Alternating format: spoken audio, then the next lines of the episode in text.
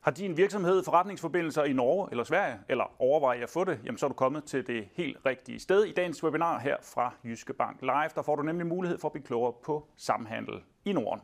Du får mulighed for at stille spørgsmål til vores eksperter undervejs i det her webinar. Jeg får nemlig god hjælp af hele fire mand i dag. Og øh, jamen lad os starte fra en af. Rasmus, øh, Gudum Sessingø, du er makrostrateg i Jyske Bank, og så har vi besøg ud fra den, øh, den virkelige verden af Jan Stermose Inge, CFO i Christiansen Group. Vi har øh, Mikkel Kruse, der er valuta- og renterådgiver i Jyske Bank. Og ude på fløjen, Jan Frydeldal, Cash Management, Jyske Bank. Og jeg tænker lige, at vi starter med en lynrunde.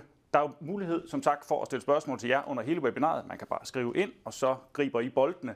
Skal vi ikke lige starte med, måske I lige sætter et par ord på jeres rolle her i dag. Hvorfor, hvorfor I er med? Vi kan starte ud på det ved dig, Jan. Ja, Jan Frydendal, Cash Management. Og grunden til, at jeg er i dag, det er egentlig, at vi har et rigtig godt produkt, synes vi selv, der hedder Nordic Payment, som gør det nemt for vores kunder at arbejde på, i både det norske og det svenske marked. Og det er egentlig en løsning, der jeg bygger på, at man kan sidde i Danmark og styre sin økonomi, sin økonomi lokalt i de to lande. Og Mikkel? Jeg er valutarådgiver. Jeg sidder til daglig og sparer med kunder omkring håndtering af deres flow i Norge og Sverige. Både hvordan de arbejder op, og hvordan de kan få kurssikre deres indgange og, øh, og, og stemme ud for virkeligheden. Ja. ja.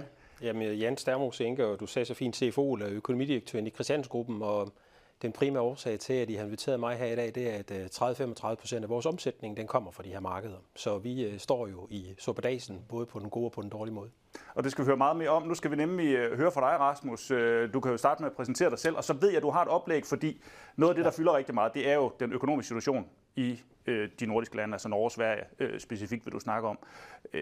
Hvordan er det lige, det går? Det går jo ikke sådan øh, helt øh, snorlige. Nej, altså jeg kan starte med at præsentere mig selv. Jeg er økonom i Jyske Bank, øh, en del af teamet, og jeg er kommet ind nu og kan netop dække lidt på Norden, øh, hvor vi skal have øget dækning, og med især øget fokus på valutadelen og så også renter. Så det er sådan set min rolle, og det er noget, vi prøver at skalere lidt op på, når vi kigger fremad.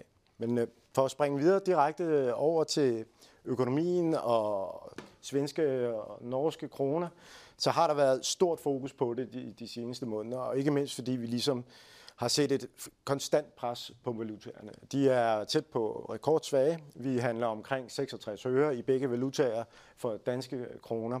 Og som man også kan se af grafikken, jamen, øh, så har det været en vej stort set i år. Øh, også selvom der har været udsving på markederne, som har øh, hvad hedder det, tilsagt noget andet, så har der været konstant øh, negativ fokus faktisk på det her. Og det handler lidt om, at vi har at gøre med to økonomier. Små åbne, eksportorienterede økonomier. Vi kan sige, at det er Industrisverige, det er Olie Norge, øh, og det er to økonomier med egne centralbanker, og ja, med nogle valutaer, der svinger en del. Og så noget, de regulerer ved hjælp af renten. Og netop igennem renten, det er der, vi også har set renteforhøjelser, og de har brugt instrumentet i noget tid, og det har jo så ramt boligmarkedet. Så en stor del, når vi tager temperaturen på disse økonomier, jamen så er det via renteeffekten ind i økonomien som helhed. Det man kan se, det er hvis på grafikken her, det er hvis vi sådan kigger på pandemien og forløbet af efterfølgende, så har vi Danmark, som har jo klaret rigtig godt med et defensivt fokus, men også Norge og Sverige er kommet ganske fint øh, ud af, af covid-krisen, og de ligger et stykke over øvreområdet. Og det har netop været det her boomende bygge boligmarked, men også på privatforbrugssiden. Og man kan sige, man kan se lidt yderst til højre, jamen der kan man se, at svensk økonomi faktisk begynder at give sig lidt og falde tilbage. Og der er de seneste konjunkturbarometer, jamen de peger faktisk på, at svensk økonomi nu er med et ben inde i en recession. Norge har jo sådan set overhalet dem i deres vækst i det her, og har ikke vist samme tendens. Dog har vi lige fået tal i sidste uge for februar, hvor de har måneds BNP, hvor vi så et negativt måling for første gang i syv måneder. Så er der også en vis opbremsning af spore der. Vores overordnede syn på de to økonomier, det er, at at øh, svensk økonomi, jamen vi får en recession i år, vi får en negativ vækst for hele året, lige under 1, minus 1 procent. Øh, norsk økonomi klarer sig bedre, de er faktisk kommet lidt okay, eller udmærket fra start i år. Og vi har set, øh, eller vores syn på det er, at vi ser sådan en stagneringskurs over hele året, altså omkring en, en nulvækst. Så, så øh, der er klart en difference i de to, men de er begge to ramt af de her højere renter. Og hvorfor er de det? Det er de på grund af, at inflationen i de to økonomier er skyhøj. Sverige og, øh, har været oppe, over, oppe i to inflationstal, og det har overrasket mange, at det har holdt stadig fast. Man, nu har vi i grafikken, øh, hvor man kan sammenligne med øvre hvor vi har set et knæk, og inflationen er begyndt at falde tilbage. Det har ikke været tilfældet i Sverige og Norge, og derfor har man været ekstra i alarmberedskab øh, her, når man kigger på renter og centralbanker. Noget af det, der har været medvirkende til at holde inflationen høj, det er jo netop de svære valutaer. Men også det faktum, at de har faktisk ikke benyttet altså, altså nogle prisrabatter eller price caps under den her energikrise, som man har set i resten af Europa. Så de har ikke gået ind og lavet fra myndighedernes side nogle øh, beskæringer af energipriserne. Så det har også været med til at holde hånden under. Så den her høje inflation, jamen hvad gør den? Den udhuler købekraften øh, i, blandt forbrugerne. Og det har været meget tydeligt, når man ser på detaljsalget i de to økonomier. Vi fik en øh, meget øh, fin rebound efter øh, covid, og efter øh, de begyndte at sætte øh, hvad hedder det, renterne op, og inflationen er steget, jamen så udhuler det købekraften, lønningerne har ikke fulgt med, og så ser vi, at detaljsektoren især har været ramt. Og der kan vi igen sammenligne med øvrigt og se, at øh, især Sverige, jamen de er sendt 4-5 år tilbage i deres omsætningstempo, allerede på nuværende tidspunkt.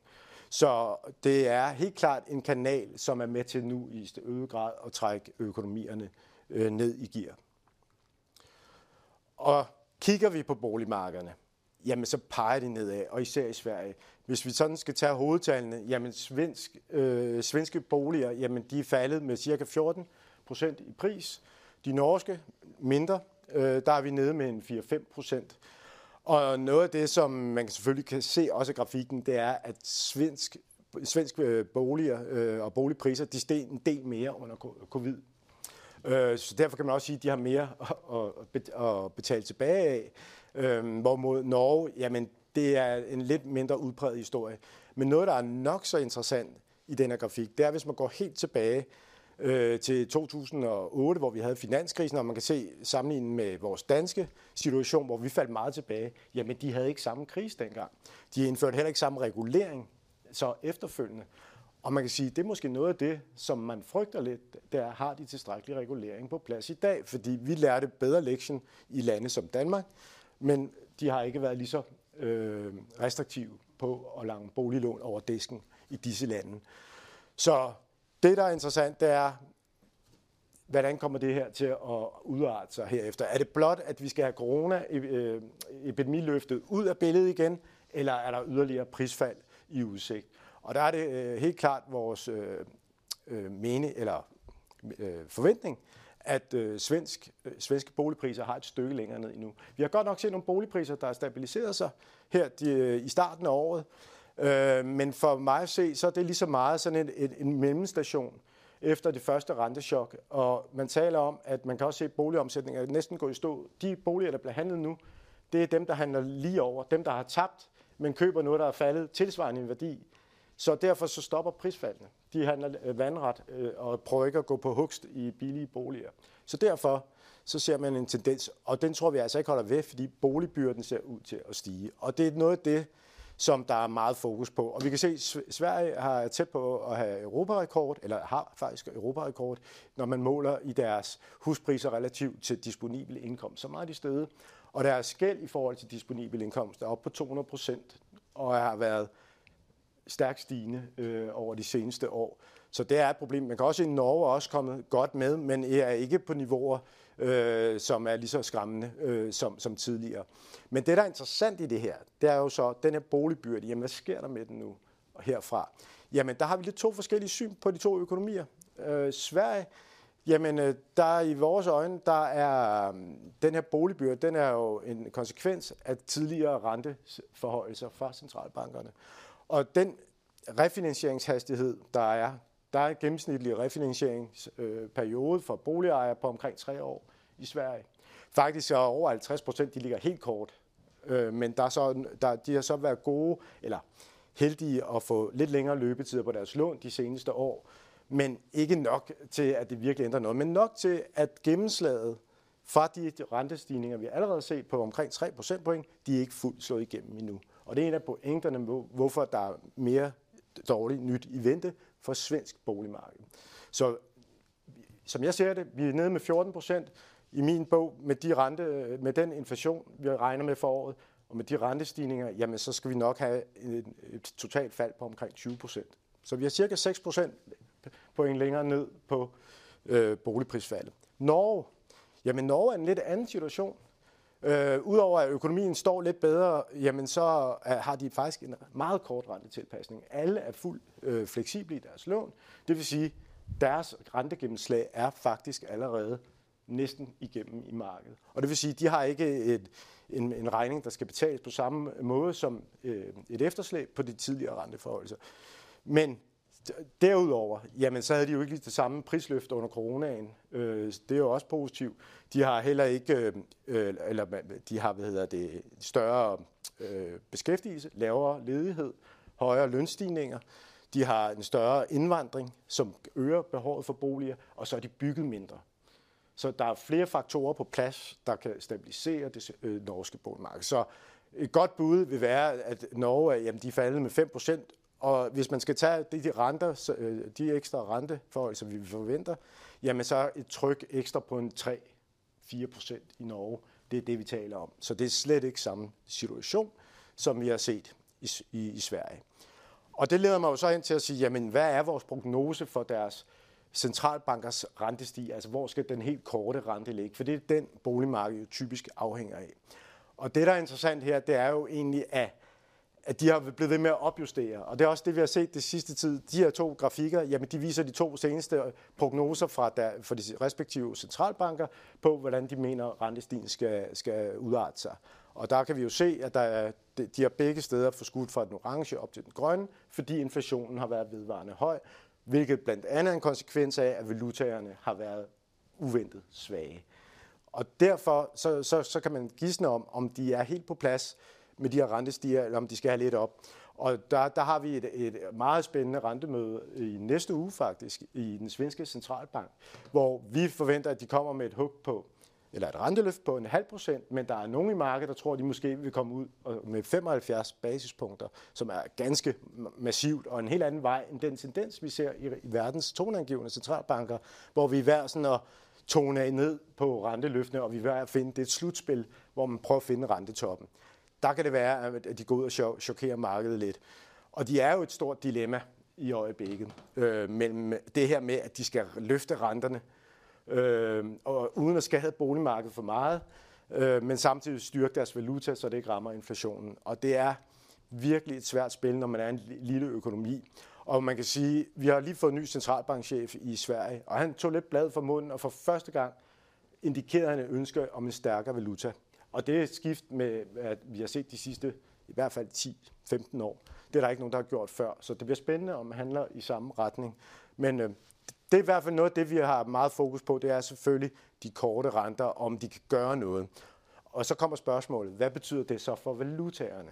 Fordi køber de den, altså som, som jeg var lidt inde på, det, med Rigsbanken, jamen det er lidt damned if you do, damned if you don't, fordi det virker som om, at markederne har godt gennemskuet, at når de løfter renten, så rammer de lige ned af kildesælen, som er hvad hedder det, boligmarkedet.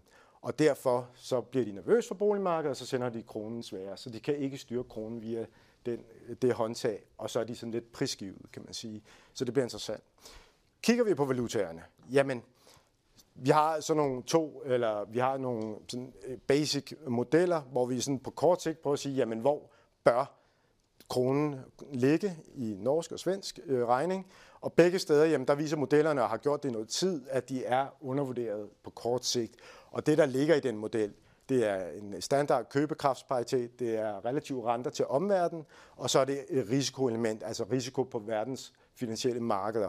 Fordi det var, som jeg indledningsvis sagde, sådan, at de her valutaer bliver typisk straffet blindt, øh, eller per refleks, når det er, der kommer stor volatilitet på verdensmarkederne. Øh, så derfor skal man også have det element inden.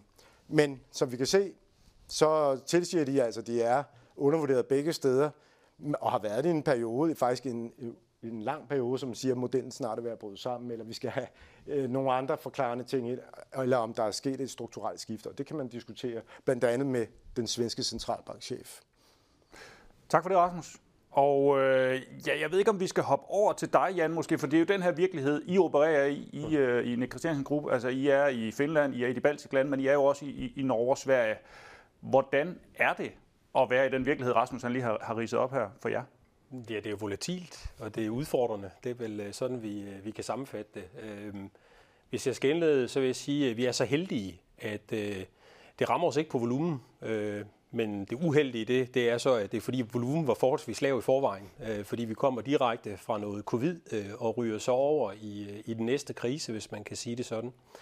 Øhm, men selve valutadelen fylder jo rigtig, rigtig meget, fordi det er varer forbrugsgoder, vi sælger. Og vi har vel øh, et inflow på et sted mellem 3 til 4 milliarder øh, i inflow i enten svenske eller i, i norske kroner. Og øh, når det er i forbrugsgoder, så kan vi jo ikke bare sidde og regulere prisen, øh, ligesom øh, man regulerer spotpriserne ude i markedet. Så, så helt klart, det er der en udfordring. Og, og Mikkel, du har jo kontakt med mange kunder. Jeg gætter på, at, at Jan her ikke er den eneste, der har den hovedpine. Nej, lige præcis. Det er virkelig en kæmpe udfordring, som både Jan og andre eksportvirksomheder står med hvad hedder det, og det, der er så svært for os, det er nu, se, nu er vi kommet igennem et turbulent 2022 med masser af prisstigninger på det ene og det andet, og valuta måske ikke fyldt så meget i forhold til andre ting, der drillede. Så vi komme ind, og det er måske mere roligt på overfladen på økonomierne. Vi er landet, men norske og svenske, de ligger bare massivt undervurderet og presset ned. Nogle ting, Rasmus har sagt, så der er mange, der er ikke sådan måske en logik, vi plejer at se med det, at de burde klare sig bedre. Så de kunder, vi har, de er typisk kalkuleret med en højere kurs for det her 2023. Og så er det svært at se, når verden ikke er brændt sammen, altså ser vi et kæmpe fald øh, på norsk og svenske her de sidste måneder. Så og det hvad? giver kæmpe udfordringer. Og, og, og hvad gør kunderne? Ja, det er forskelligt, kan man sige, afhængig af hvad. Og som Jan siger, nu har de jo vareforbrugsgoder, der bliver prisstillet på en bestemt måde. Vi har også kunder, som agerer mere i spotmarkedet og skal deres priser oftere.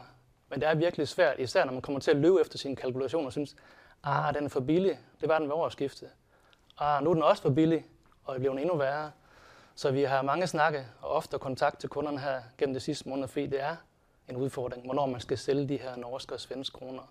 Hvor meget skal vi kurssikre? Og det kan være afdækning ved at løbe tør, så man skal til at kigge på ny kurssikre, man på så lavere og mere trælse kurser, end man er vant til det sidste stykke tid. Og er der mange af jeres kunder, der så simpelthen sidder og venter på, stiger de ikke snart de der norske og svenske kroner? Altså, hvordan øh, kan, gør man det, hvis man har mulighed for det? Ja, det er forskelligt. Afhængig også af, hvad er det for en branche, man er i. Har man en lav margin, eller har man en stor margin? Har man buffer til at imødegå en trælsperiode? Nu har de prøvet covid at komme igennem det, der var virkelig voldsomt med de fald, der kom i norske og svenske der. Men det var et hurtigt fald, som så kom, hvor vi så valutaen rebounde ganske pænt igen, og verden blev mere normal. Nogle brancher overnormal, kan man sige, med efterspørgselen. Så det er en, en stor udfordring, hvad man skal gøre her nu. Og det er meget forskelligt fra virksomhed til virksomhed, og så også fra økonomiske skuldre, hvor, hvor brede de er, og så også til mavefornemmelsen. Der er købmandskab også her i det jyske, hvad hedder det, altså, vi vil ikke sælge de her på de her lave kurser, men øh, hvis det ikke bliver bedre i morgen, jamen, så udskyder, udskyder man måske en, en beslutning, som skulle være taget lidt før. Så det drøfter vi rigtig meget med kunderne pt. Jeg står og kigger ned her, det er ikke fordi, jeg ikke altid hører efter, hvad, hvad, hvad I siger, men det er fordi, jeg, jeg holder øje med, hvad der kommer ind af spørgsmål. Og der er et spørgsmål her til dig, øh, øh Rasmus. Altså det her med norske og svenske kroner, nu var du lidt inde på det, altså hvornår smider investorerne det her lidt forsurede syn på, på, øh, på de to valutaer?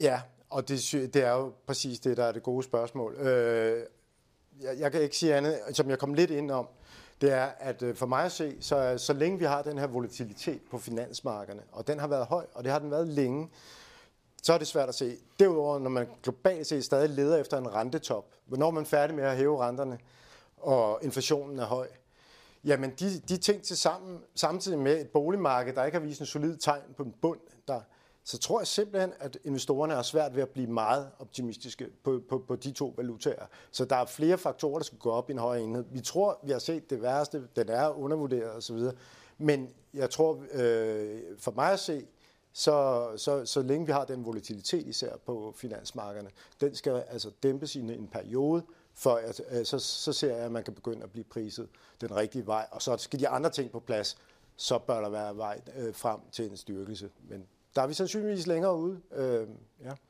Og hvordan kigger I på, på fremtiden? Altså, hvordan, hvordan vurderer I, hvad I skal gøre, hvad I ikke skal gøre? Hvad... Jeg tror, jeg vil støtte mig lidt op af det, hvad, hvad Mikkel han siger. Altså, vi vil også gerne agere som, som købmænd, øh, men omvendt øh, så agerer vi også i en branche, hvor vi ved, at det første tab, det er typisk det bedste tab. Og så er det måske bedre egentlig at have en mere langsigtet tilgang og sikre sig, at øh, man kan absorbere øh, nogle af de her udsving og den her volatilitet i øh, prissætningen ud mod forbrugerne. Øhm, men det skal man jo som sagt bare, man kan ikke gøre det hver dag. Så bliver man nødt til at kigge en lille smule længere frem, og så måske være lidt mere pessimistisk på tingene, og så sige, okay, så rammer vi det her prisniveau. Og vi er så måske også hjulpet af, at, at der også i hvert fald er en del af vores kollegaer i branchen, der kan se den samme udfordring, og det vil sige, at priserne øh, følger med op. Jan, skal vi lige prøve sådan rent praktisk øh, din øh, altså betalingsløsninger. Hvad, er, er, det, er det et stort problem på, øh, på det nordiske marked, eller øh, sådan Danmark, Norge, Sverige? Man kan sige, det der udfordrer, udfordring, jeg, jeg vil hellere starte et andet sted og sige, jamen, hvorfor har vi overhovedet lavet et Nordic Payment? Jamen, det ligger egentlig lidt, kan man sige, i vores DNA. Vi ser Tyskland, men Norge og Sverige som vores nærmarkeder. Og vi har egentlig haft løsninger i mange år, både med, med Norge og Sverige, men hvor de har ligget lokalt i svenske og norske banker. Og der har hele det her omkring compliance og hvidvask og sådan noget, det har gjort, at det bliver sværere og sværere for vores kunder at få oprettet konti i de, i de udenlandske banker. Hvor vi så egentlig har været nødt til at tænke, jamen kan vi finde en løsning, hvor vi kan hjælpe kunderne? Og det er egentlig det, vi har, har gjort i, øh, i Nordic Payment. Og for lidt at følge op på det, der bliver sagt fra de andre også her, jamen det vi giver kunderne i Nordic Payment, det er egentlig en direkte adgang til deres likviditet øh, i Norge og Sverige. Og der kan man sige, at vi lever i en tid nu, hvor der er sikkert også er nogle af de kunder, der er rundt omkring, som har det svært med at betale. Det vil sige, at den opfølgning, der er på debitorer i både Norge og Sverige, giver vi egentlig kunderne en meget bedre løsning til, end det vi har haft tid til, fordi vi har en realtidsopdatering på deres transaktioner. Øh, og så kan man sige, kom tilbage, jamen, jo, det, det, det er svært, og, øh, og det tror jeg, de fleste virksomheder, der har prøvet at, jeg vil sige, bare gå ned i en lokal bank på et udlandsk marked og banke på og sige, jeg vil gerne have en konto. For 10 år siden, der var det til at komme til. I dag, øh, jeg vil sige, inden man kommer ind i døren, så skal man have leveret halvanden meter øh, papir, øh, og det er vel at mærke i højden, øh, for overhovedet at få lavet en konto. Så det er svært i dag. Der er kommet et øh, spørgsmål mere til dig, øh, Rasmus, her. Øh, du er inde på boligmarkedet. Der er en, der godt vil spørge til erhvervsejendomsmarkedet. Har, har I nogle holdninger til det? Ja, Eller altså det, er, på det område? Og, ja, og jamen, altså, vi laver ikke punktestimater på det, men det er øh, absolut, altså, nu, nu var jeg lidt inde på boligmarkedet før, og som sagt, der er også positive elementer at se i visse steder på selve boligmarkedet, altså især når jeg taler om Norge, hvor vi er ved at være, hvor det er ret priset, men erhvervsejendomsmarkedet, det er en anden sag. Altså, vi har ikke set særlig store prisfald endnu øh, inden for erhvervsejendommen. Det på trods af, at kigger man på de ni største øh, svenske øh, erhvervsselskaber, deres aktier er faldet med 40 procent siden toppen i 2021. Vi har set alternativ, øh, der er helt klart en refinansieringsrisiko blandt alle de her erhvervsselskaber, som fylder meget i svensk øh, økonomi især. Altså, det skal siges, at jeg tror, det er 44 procent af bankernes udlån går til erhvervsselskaber. Så det er de meget markant øh, eksponeret. Og det, man kan frygte lidt, det er, at når de skal ud og refinansieres, så bliver det til højere renter. Og alternativrenten er højere andre steder, så de får svært ved at få finansiering ind i selskaberne. Samtidig med det, så er der jo, øh, at de ikke kan hæve legemålene i samme hastighed, så profitmargen bliver, bliver, bliver presset.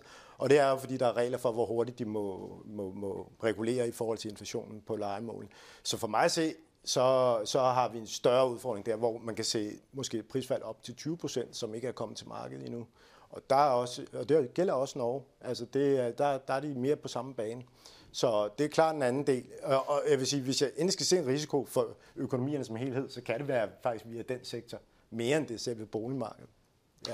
Mikkel, øh, nu starter vi jo med at sige, at, øh, at hvis man er på, øh, på det nordiske marked eller i, i Norge og Sverige, så skal man øh, kigge med. Eller hvis man overvejer det, altså hvis man sidder og overvejer det derude nu, er, er det så er det et svært tidspunkt at, at, at gå ind i, i Norge og Sverige på? Altså, er det et svært tidspunkt at begynde at, at starte med samhandel?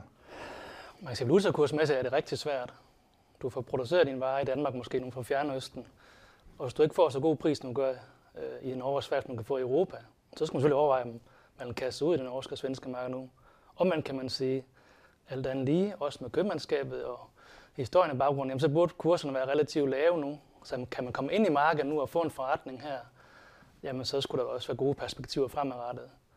Og jeg har også kunder, som har simpelthen sagt, at man overvejer at skifte over Sverige ud på kort sigt, fordi der er for dårlig dækningsgrad, og så sælge andre steder. Men er du i Norge og Sverige, så skulle du helst være der på den længere bane, og ikke hurtigt ud og ind, som vi ser det. Og det er derfor, vi er i dialog med kunderne, både på kort sigt, hvad gør vi, men også, hvad skal prissætningen være fremadrettet? Og det, som jeg også drøfter, det er, hvad skal kalkulationskursen være? Nu er vi nede i 566, så duer det helst ikke at sætte en kurs på 70, For så kommer du til at løbe efter noget, som bliver rigtig svært. Det er i hvert fald lige pt, men vi håber på, at det bliver bedre, og det burde det også gøre, men det er en virkelig en udfordring pt. Øh, spørgsmål til dig, Rasmus. Øh, risikerer vi et, det gør man selvfølgelig altid, men, øh, men din vurdering, risikerer vi et økonomisk kollaps i Sverige, ligesom vi så i, i 90'erne? Nej, altså det tror vi ikke. Altså, og det, der, ja, der er mange, der har lavet den sammenligning. Og et, så kan man sige, kriser kommer aldrig til udtryk på samme måde. Øh, øh det er det, der er en af egenskaberne med kriser, ellers bliver det ikke til en krise. Og man har gjort rigtig meget for at dække op for netop rentechok og så videre. Og det her var udløst, da de mistede deres, de var bundet op på M-samarbejdet, som brød sammen, og det, der var flere økonomier, der gik i, lidt i selvsving, de gik så ekstra meget. Og siden da, der fik de faktisk en masse regulering og, øh, af bankerne på plads til netop at modstå de her store udsving. Og en del af det blev faktisk brugt som tekstbog til finanskrisen, da andre skulle lære det. Så de havde deres egen krise tidligere. De stoppede bare lidt med at regulere, kan man sige, boligmarkedet, også sammen med os andre under finanskrisen. Men, men der, hvor jeg ser en risiko, og det er slet ikke som i 90'erne, det er stadig mest måske igennem erhvervsejendomsmarkedet, der kan give rystelser af sådan mere systemisk karakter. Ja.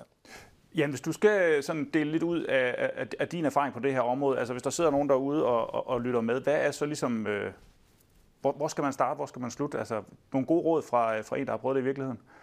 Altså på at komme ind på markedet, eller hvad? Nej, jeg tænker, i, i forhold til den her valuta-udfordring, ja. man har, altså hvordan, hvordan, ja. hvordan skal man... Jeg tror i hvert fald, det er vigtigt, at, man ikke, øh, at man ikke er overoptimistisk øh, og tror, at øh, det, det, det, man skal regne med, at det her det måske er noget, der kommer på toppen, og også lægge en, lægge en margin ind og sikre sig, at prispositioneringen den, den er rigtig fra starten af.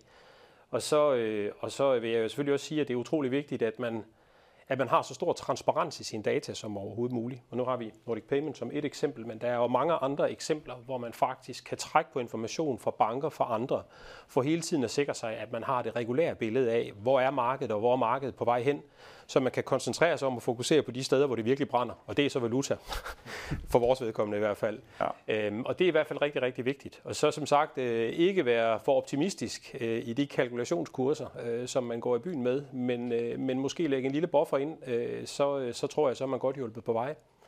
Øhm, så man lige præcis ikke går og cykler øh, hele tiden i prissætning op- og nedadgående retning, eller alternativt tager nogle meget store tab. Og, og jeres vigtigste opgaver i øjeblikket, Mikkel og, og Jan, hvordan, øh, hvordan lyder de? Jamen, man kan sige, at vi har egentlig to i den relation. Øh, vi har de kunder, vi kan man sige, vi har fra gamle, det gamle Jyske Bank Ben, som øh, gerne vil ind på de norske og svenske markeder. Og så har vi den anden del, det er de kunder, vi har fået ind fra Handelsbanken, øh, hvor en del af dem jo øh, skal flyttes over fra en gammel Handelsbankkonto over i et øh, Nordic Payment øh, setup. Så man kan sige, det er de to ting, der, der fylder meget. Og øh, lidt kan vi ligesom opfinde på det der øh, tidligere med at følge op, jamen der er jo også et spørgsmål om en, en omkostning, øh, set i forhold til, øh, til de her betalinger, hvor kunder, der måske stille og roligt bevæger sig ind på det norske og svenske marked, starter med at bare få en almindelig overførsel fra udlandet. Det finder de ud af, det er dyrt både for deres kunder i Norge og Sverige, men det er faktisk også dyrt for dem selv. Og så kan man kommer til os og siger, jamen, giver det ikke mening, eller har I en løsning, har vi noget, en måde, vi kan gøre det billigere på? Øh, og så tager vi selvfølgelig dialog med kunden og, og finder den rigtige løsning til dem. Der er kommet et spørgsmål til dig, Jan. Det kan du lige få, mens øh, du er, altså, er det, kunne det være interessant at få andre øh, lande med i øh, Nordic Payment-aftalen? Er det noget, I har overvejet? Men det kunne altid være interessant, og vi har også kigget på andre lande. Øh, lige nu er der ikke noget, kan man sige, hvis vi kan stå og love kunderne, at det er lige rundt om hjørnet. Vi kigger lidt på, på England i øjeblikket, men den ligger et stykke ude i fremtiden, som det ser ud lige nu. Alright. Øh, Mikkel, ja, altså du skal også lige have den der, altså... Øh, Jamen, jeg hvad tænker, bruger, det, det, det, det som Jan sagde, det der med, at det første tab øh, kan tit være det billigste. Øh, det, det drøfter også med kunderne, hvornår skal vi lave det næste salg? Især hvis der ikke er så meget kurssikring tilbage, eller den er måske løbet ud. Hvornår skal vi lave det næste salg, man ikke akkumulerer fremtidige indtægter i norske og svenske? Øh, så det, så det, det er svære tider pt. også, fordi fornuften siger, at vi skal blive hængende og vente med at gøre noget, men omvendt, det kan vi ikke bevæge i evighed. Vi skal jo også, øh, der skal præsteres nogle øh, resultater både for aktionærer og for banken. Hvad hedder det? Og så kommer og sige, at man, øh, vi gjorde ikke noget om en halv år, vi har tabt 10 procent. Den, er ikke, den er ikke god for nogen af delene. Så vi prøver at understøtte kunderne med at få håndteret de her svenske og norske kroner på bedst mulig vis, og lægge en plan for, når vi skal lave de næste salg og afdækninger. Jan, du stod og nikkede til det her med andre lande i Nordic Payment-aftalen. Var det, det, det, det kunne du også godt se øh, gav med god mening? Ja, ja, og det er jo, fordi vi jo blandt andet også er i Finland og vi er her i Baltikum, og det kunne jo også godt tænkes, at der var andre markedsområder, man uh, gerne vil kigge på. Vi er i hvert fald utrolig glade for løsningen på de markeder, vi nu har den, fordi det lige præcis giver den der transparens. Og det er det der med, at så kan man flytte fokus et andet sted hen. Vi skal have sat strøm til så meget som overhovedet muligt, og der skal være real time på tingene. Det, det er vigtigt, og der, der hjælper det i hvert fald rigtig meget på både det svenske og det norske marked. Godt. Jeg tror, øh, jeg har i hvert fald ikke øh, sådan flere spørgsmål, der, der tækker ind, så skal de til at komme nu. Er der nogen, der har en afsluttende kommentar, noget I ikke fik sagt, så er det nu. For ellers så øh, tror jeg, jeg vil sige øh, tak til alle fire, og tak til jer, der kiggede med derude. Ha' en fortsat god mandag.